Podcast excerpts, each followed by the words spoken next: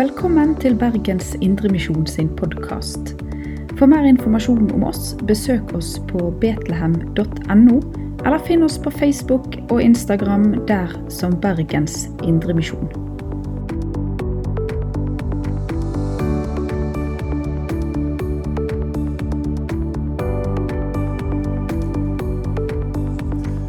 Ja, god dag alle sammen. Ehm, Det profetiske puslespill. Merkelig overskrift. Vi kunne òg ha kalt det for det himmelske puslespill.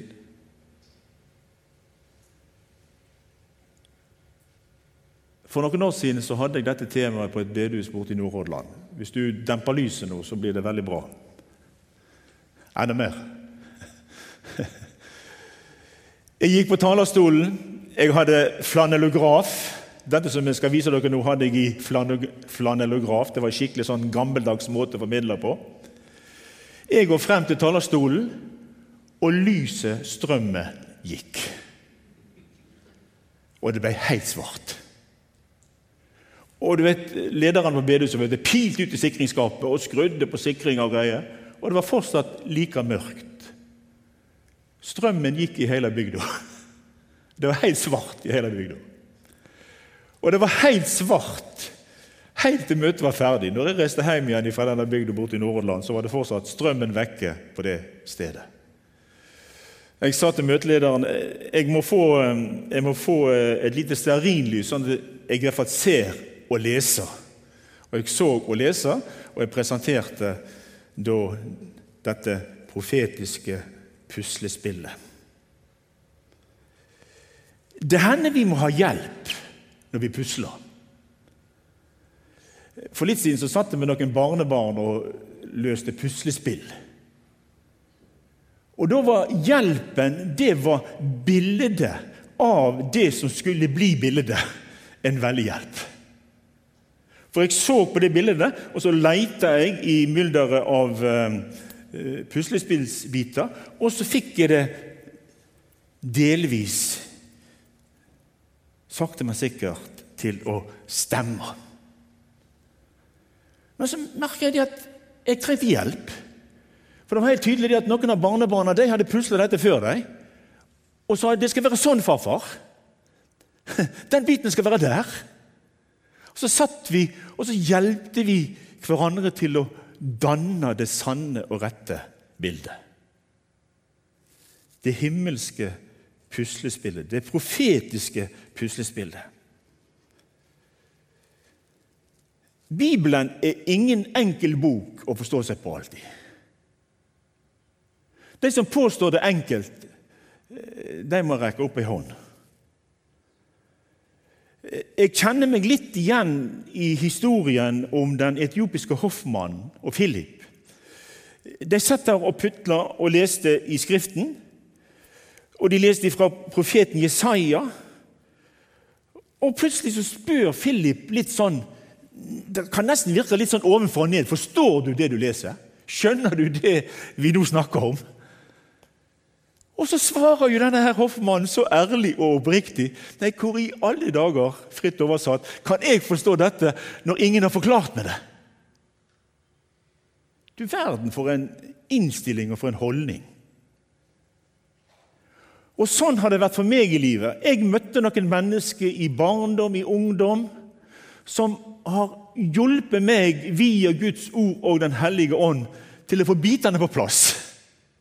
Og Jeg kjenner på det her det står. Jeg kjenner fortsatt Skriften og Bibelen stykkevis og delt. Jeg ser ennå ikke det hele og fulle bildet. Men jeg merker det at så lenge jeg lever, og så lenge jeg hører Guds ord bli forkynt, og så lenge jeg leser, bruker tid på å lese i denne profetiske boka som heter Bibelen, så kommer det flere og flere biter på plass. Og det fullstendige bildet det blir klarere og klarere. For mange er det å se inn i Bibelen det er å se inn i et stort, mørkt hull. Skal vi få det første bildet? Ja, nå var ikke det så mørkt og Ja. Brunt. Ja, la bare det bildet stå litt. noe, noe, noe, noe sånn abstrakt og uforklarlige greier. Du skal få tre bibelvers. Og du skjønner, når strømmen gikk i denne bygda den, den, eh, dagen for mange år siden, så var det veldig merkelig når jeg sa i dag er teksten følgende, sa jeg. Profeten Jesaja 9,2. Det folket som vandrer i mørket, får se et stort lys. det er ingen som glemmer den dagen der på det bedehuset. Det er jeg helt overbevist om. Det folket som vandrer i mørket, får se et stort lys. Over dem som bor i dødsskyggens land, stråler lyset frem. Og vers 6.: For et barn er oss født, en sønn er oss gitt. Herredømmet er på hans skulder. Hans navn kalles under, rådgiver, mektig Gud, evig far og fredsfyrste. Hebreerne 1, 1-2.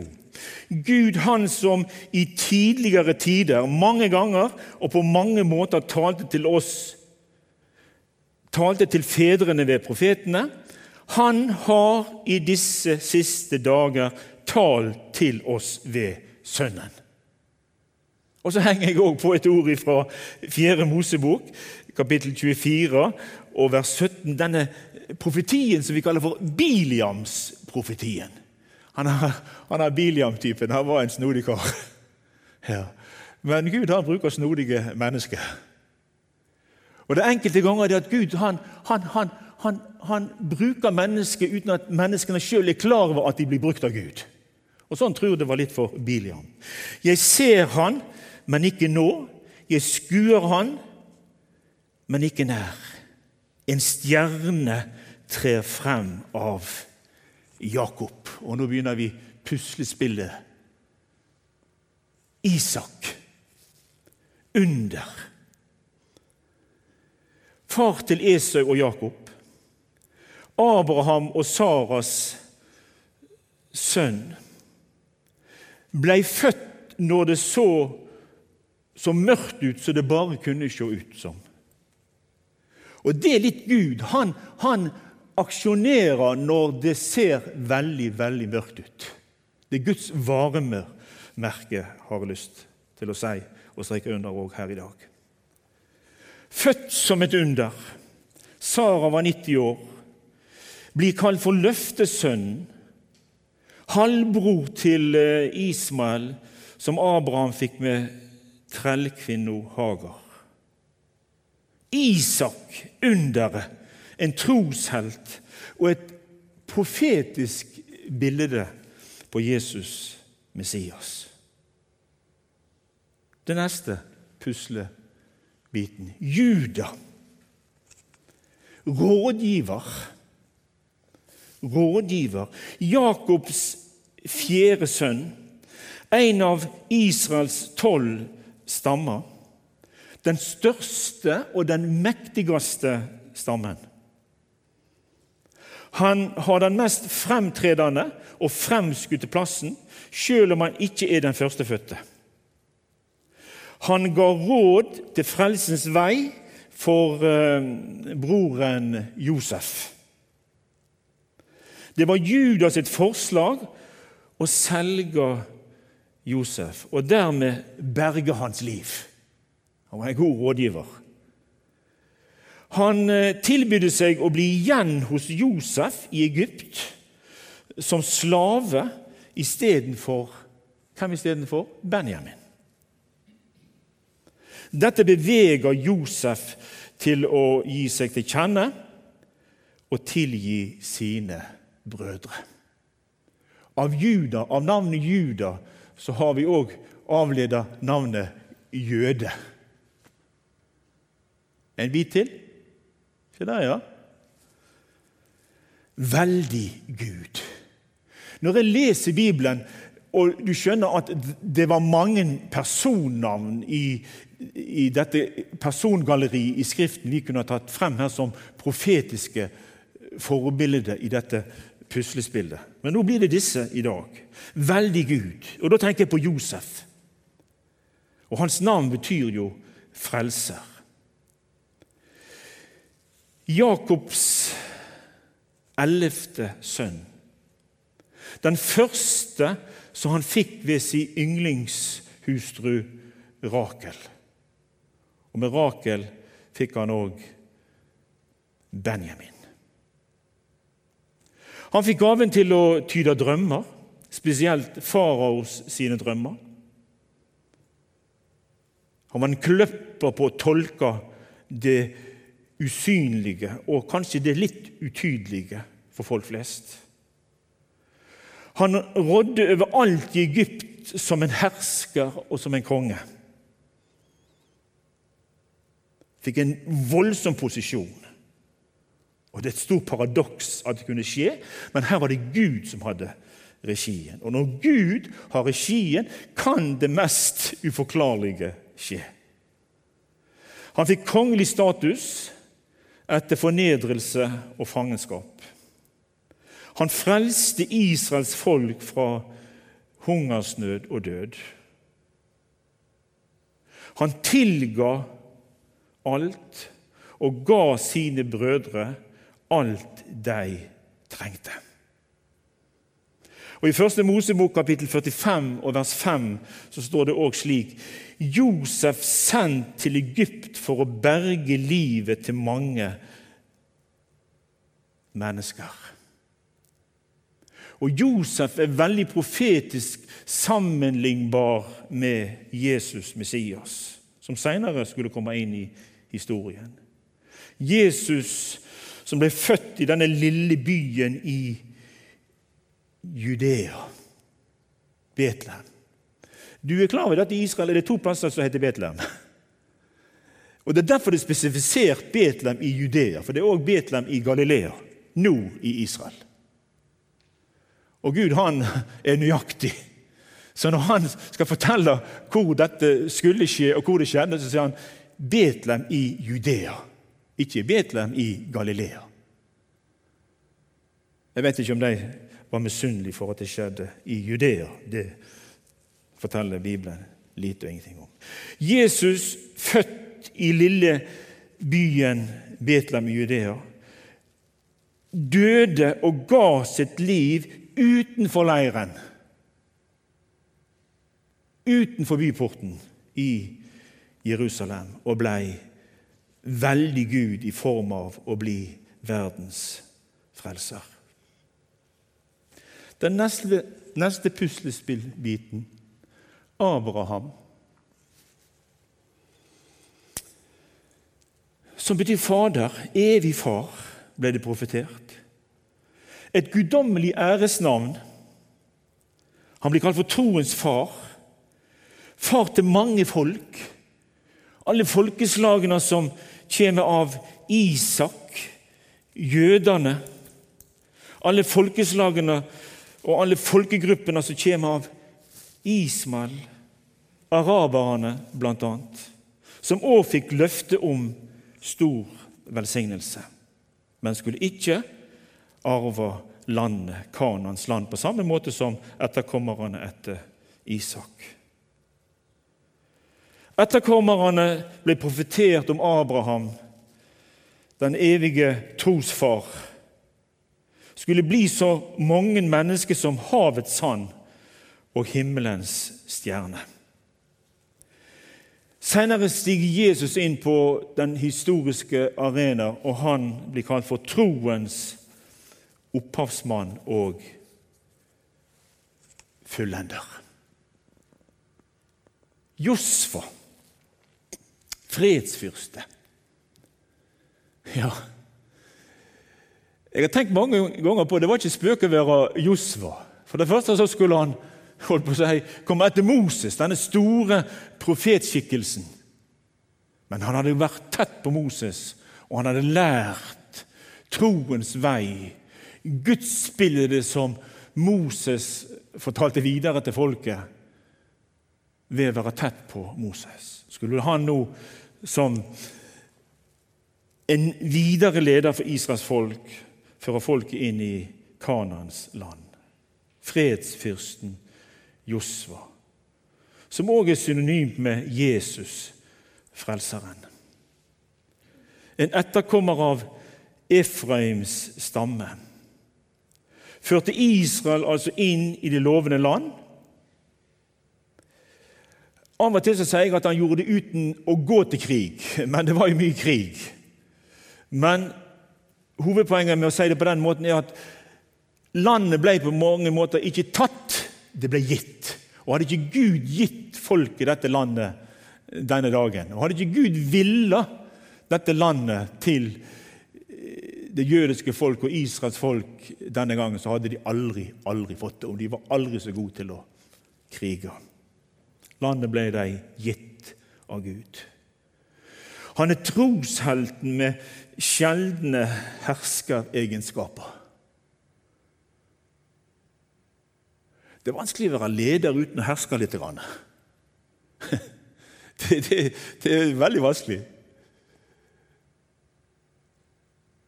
Og da er det at den som skal lede og må bevege seg litt, seg litt i grenselandet, der du må herske og føre an, at han og den personen får nåde over tjenesten sin, så ikke det skjer galne ting. Josva er troshelten med sjeldne herskeregenskaper. Han hadde en ubetinga Gud-hengivenhet. Når det lå i bunn, så gikk det an for fredsfyrsten Josva å lede an. I Hebreerne 4,8 betegnes Josva som et forbilde på Jesus, som fører sine inn i det himmelske Kanan.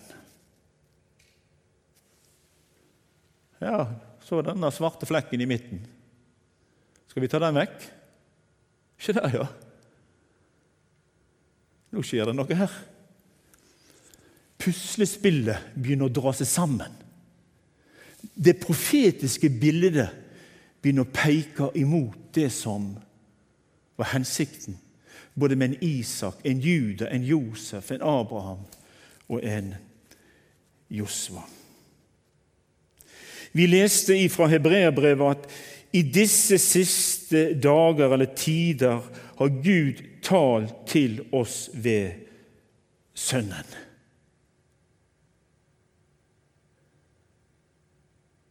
Jeg er utrolig glad i englebudskapet som ble forkynt ved Jesu fødsel. Se, jeg forkynner dere en stor tragedie. Nei. Det fulgte nok mange tragedier i etterkant av Jesu fødsel. Men det er en stor glede. Og den er så vid at vi aldri vil fatte den.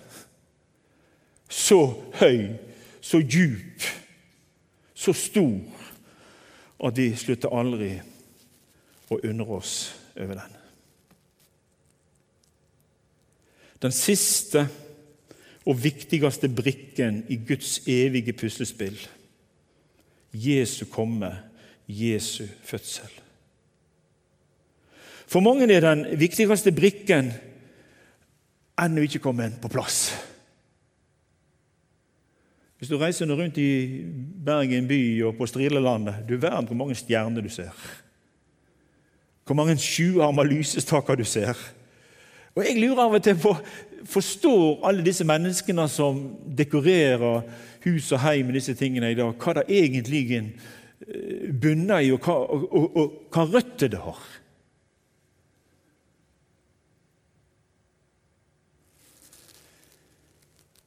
Den endelige brikken i Guds evige puslespill, Jesu komme, kom altså på plass for ca. 2000 år siden, igjen i byen Betlehem.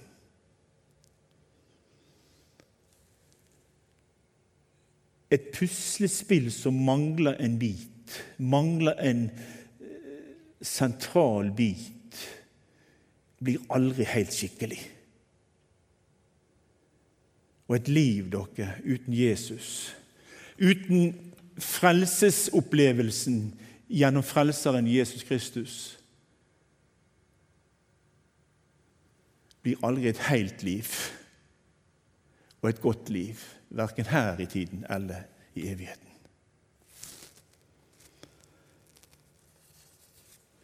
Velger vi bort Jesus i tiden, Tar vi vekk den biten, den brikken, i tiden, så er du òg borte ifra Jesus i evigheten.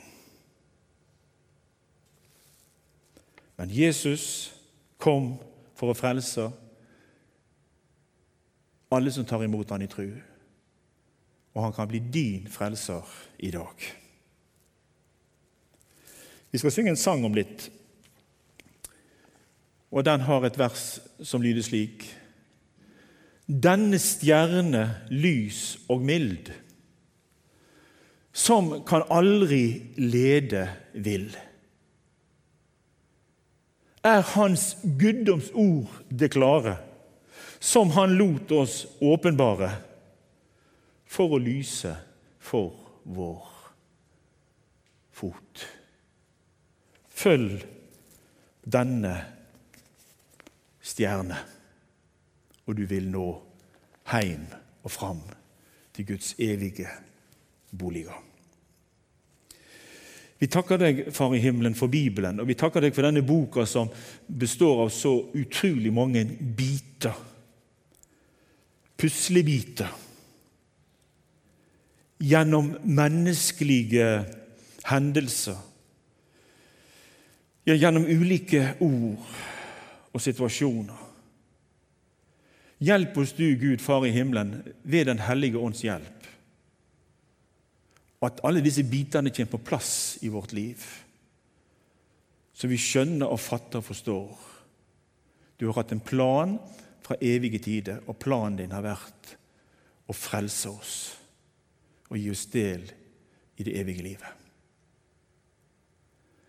Velsign denne julefeiringen som vi går inn i nå, at det kan bli ei åpenbaringstid, der vi skjønner mer og mer av